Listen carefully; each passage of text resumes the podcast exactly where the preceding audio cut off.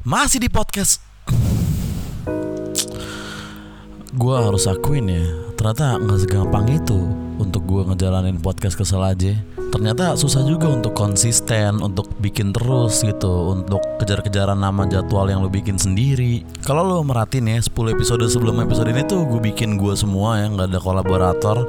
Tapi ya gue pun merasakan Mungkin topiknya tidak lagi sekuat topik-topik gue di awal dulu Mungkin kekesalan gue gak lagi sedalam kekesalan gue di awal-awal dulu bro. Gue gak punya lagi topik-topik sekuat kapan kawin Atau selera musik mainstream Atau nikah sama nikah aja Atau izinkan aku untuk terakhir kalinya semalam saja bersamamu. Dan ternyata gak sebanyak itu mungkin cerita yang bisa gue masukin ke gudang aib. Dan gak sebanyak itu mungkin hal yang bisa gue puji di segmen capsir. Dan gak semua teman gue cukup menarik untuk diomongin di salah satu teman gue Gue sempat waktu itu pertama kali ya gue lupa upload satu hari. Gue menjanjikan satu hari dua episode tapi sehari gue lupa. Dan habis itu lima hari atau seminggu kemudiannya terjadi lagi gitu. Gue lupa ngupload lagi dalam sehari. Dan sampai sekarang sempet gue dua hari sama sekali gak ngupload satu episode pun untuk podcast kesel aja. Dan yang paling pahit adalah kayaknya orang juga nggak ada yang nyadar men. Orang nggak ada yang ngah gitu bahwa podcast kesel aja nggak ngeluarin episode baru. Maksudnya gue ngelihat angka listener di Anchor FM gitu. Tapi apakah kalian masih di luar sana bro? Apakah lo masih denger ini? Apakah lo masih relate Apakah lo masih menunggu podcast kesel aja? Gue gak tahu. Dulu kita pernah masuk peringkat 61 podcast Indonesia. Sekarang tembus 200 pun udah gak pernah. Dulu banyak orang-orang asing yang nge-DM atau mention podcast kesel aja di Instagram Stories. Sekarang temen gue pun jarang.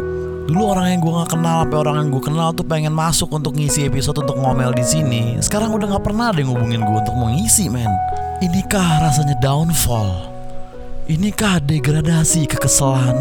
Apakah gua dan teman-teman gua nggak lagi sekesal dulu? Apakah podcast kesel aja nggak lagi setajam dulu? Gua nggak tahu. Jujur gua nggak tahu. Tapi yang gue tahu adalah ini memperingati episode ke-200 kita. Dan sama seperti ke-100 ya. Tradisinya adalah setiap 100 episode kita akan hiatus Kita akan libur dulu sejenak Kita akan beristirahat. Tapi waktu hiatus satu itu gue cuma libur 5 hari atau 6 harian gitu. Tapi sekarang Gue gak tahu sih men. Mungkin emang gue harus istirahat dulu dari podcast kesel aja.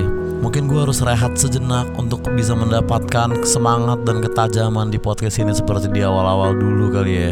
Jadi gue gak mau menjanjikan berapa lama pun ya.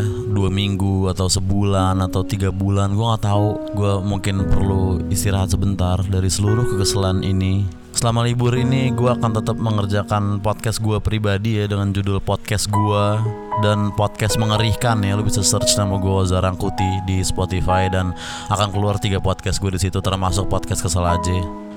Tetap gue ucapkan terima kasih untuk yang udah denger sejauh ini, semua yang udah nge-share, semua kolaborator yang udah numpang ngomel di sini ya, semua orang yang udah subscribe, follow, dengerin di mana pun kalian, tetap thank you bro.